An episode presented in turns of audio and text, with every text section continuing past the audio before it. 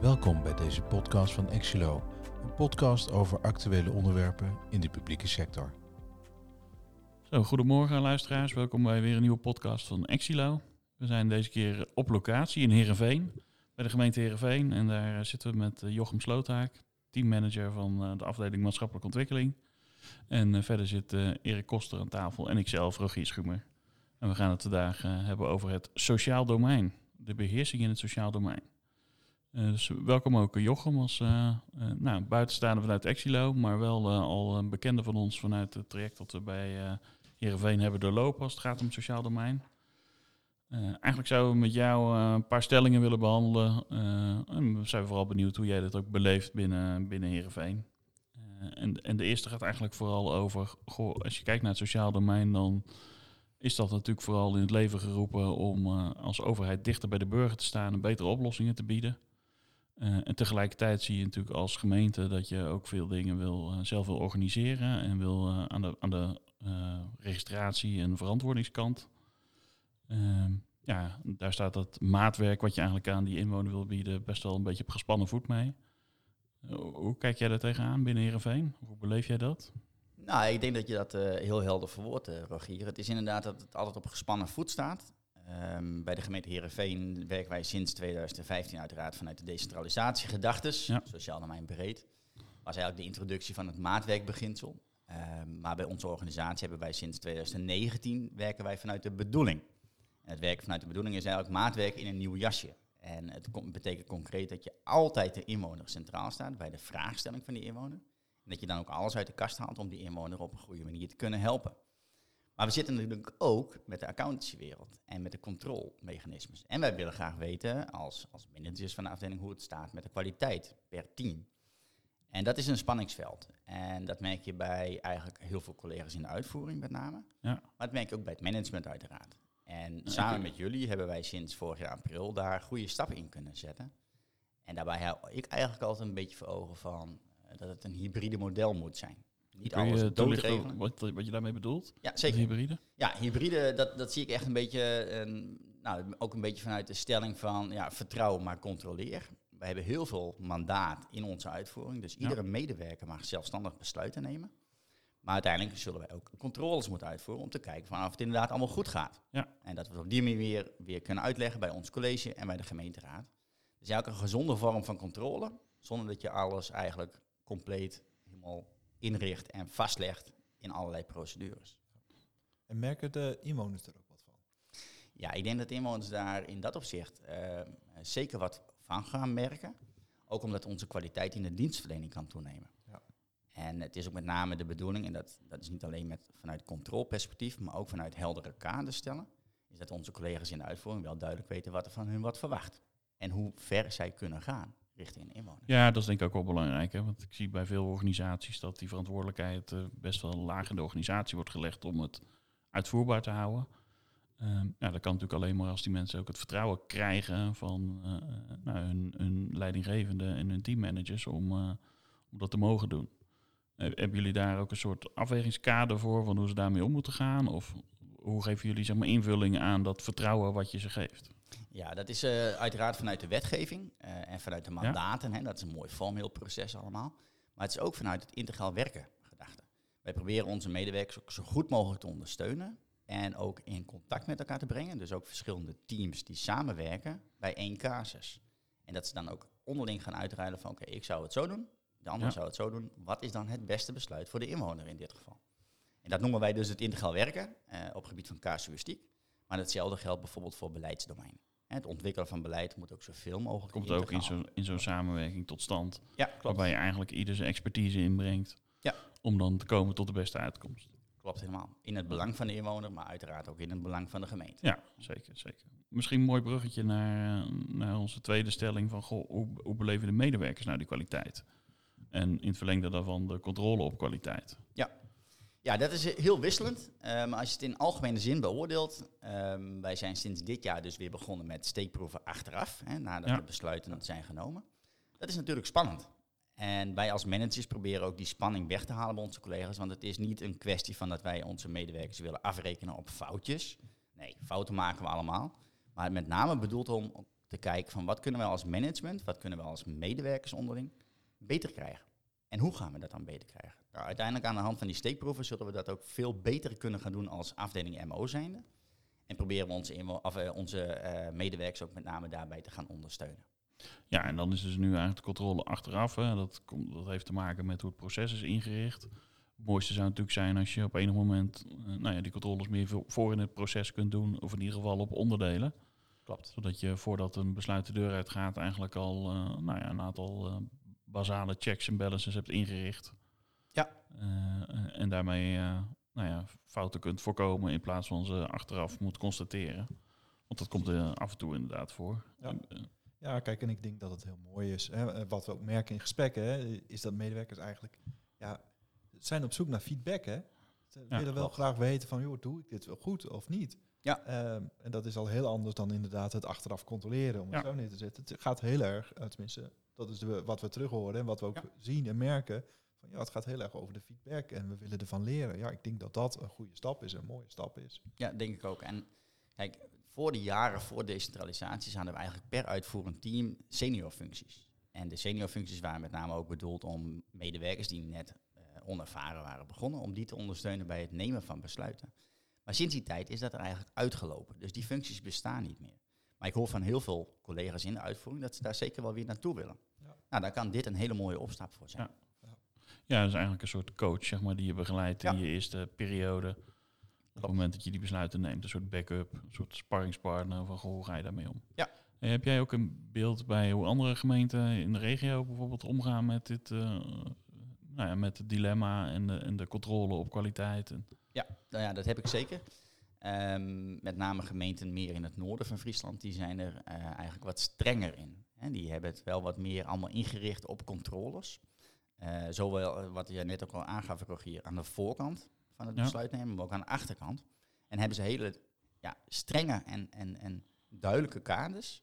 Terwijl ik zelf vind dat je daarmee ook heel veel flexibiliteit, denk ik, weghaalt in het belang van de inwoner. En onze medewerkers zijn ervaren genoeg in het werk, zijn goed genoeg in het werk. Maar we kunnen hun nog steeds meer verder helpen om ook door te kunnen groeien. ja, precies. Dan eigenlijk beperk je daarmee het, nou ja, je noemde net het adagium werken vanuit de bedoeling. Ja, Dat is, dat, daar zit natuurlijk een bepaalde vrijheid in voor een medewerker om een afweging te maken. Dit is de beste oplossing voor deze, voor deze casus. En als we dan eh, doorkijken naar de eh, toekomst. Hè, dat, nou ja, we zijn nu eh, bezig met de controles achteraf. Die worden uitgevoerd. De volgende stap is die controles meer in het proces. Ehm, heb je ook een beeld bij bijvoorbeeld impact van digitalisering? Of denken jullie erover na? Van goh, hoe, gaan we nou? Nou, hoe zien bijvoorbeeld over vijf jaar ons proces eruit?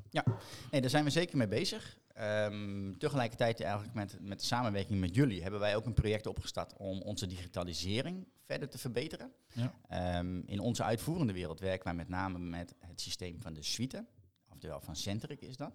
En we hebben gemerkt dat dat systeem eigenlijk bij ons nu verouderd is. En de afgelopen jaren hebben we eigenlijk te weinig beheer en onderhoud gepleegd. Ja. Waardoor onze medewerkers ook niet meer goed genoeg worden ondersteund in hun werk. Dus dat project hebben we opgestart en we willen dan ook binnen nu en twee jaar alle processen die we hebben in de uitvoerende wereld hebben herijkt, op tijd hebben gezet, zodat we ook eventueel kunnen kijken naar welke formatie heb je nou eigenlijk nodig voor welk proces. En het systeem moet een optimale digitale ondersteuning gaan bieden aan onze medewerkers. En dan niet alleen maar in- binnen het systeem zelf, maar ook bijvoorbeeld koppelingen met archiefsystemen. En wij werken hier in Heerenveen tegenwoordig met het systeem van DECOS. Ja. Dat is een archiefsysteem. Nu zit die koppeling niet in het systeem en moeten onze medewerkers het twee keer opslaan. Ja, is in feite is dat tijdverlies en Ja. frustratie ook weer voor de medewerker. Ja. Dat moet eruit. Dus je moet ook in die digitalisering je ogen niet sluiten voor het archiefdeel van je Zeker. systemen. Zeker. Heel belangrijk inderdaad. Ja. En is het dan, blijven jullie de dingen op dezelfde manier doen, alleen beter digitaal ondersteund? Of is dit ook een mogelijkheid om te kijken van, joh, kunnen we ook niet dingen anders doen? Processen anders inrichten? Of, We kijken nu vooral met, eh, met de medewerkers in de uitvoering naar van hebben wij die processen die er ooit zijn ontstaan, voldoen die nog wel aan de huidige tijd? En Ja. met name ook vanuit het werken vanuit de bedoeling perspectief. Eh, kunnen we dingen anders gaan doen? Kunnen we bepaalde stappen overslaan, zodat we nog meer snelheid in onze dienstverlening kunnen krijgen? Terwijl die snelheid in Heerenveen eigenlijk al heel erg goed is. De, gemiddeld genomen hebben wij binnen vier weken een, eh, een uitspraak kunnen doen. Hm. Eh, daar ben ik zelf heel blij mee, dat we dat kunnen doen. Maar misschien kunnen wij overbodige stapjes in het proces eruit halen. En dat is makkelijker voor onze medewerker. En het is ook weer beter voor onze inwoner. En nog een stapje verder, hè, doen jullie bijvoorbeeld, uh, nou ja, ik merk ook wel, er zijn ook gemeenten die bijvoorbeeld, uh, Tozo is daar een mooi voorbeeld. Hè. Dit kwam er natuurlijk zo even invliegen Ja. in de coronacrisis. En er zijn ook gemeenten die dus robots hebben gebouwd van, goh, hoe kunnen we nou zo'n Tozo-aanvraag afhandelen?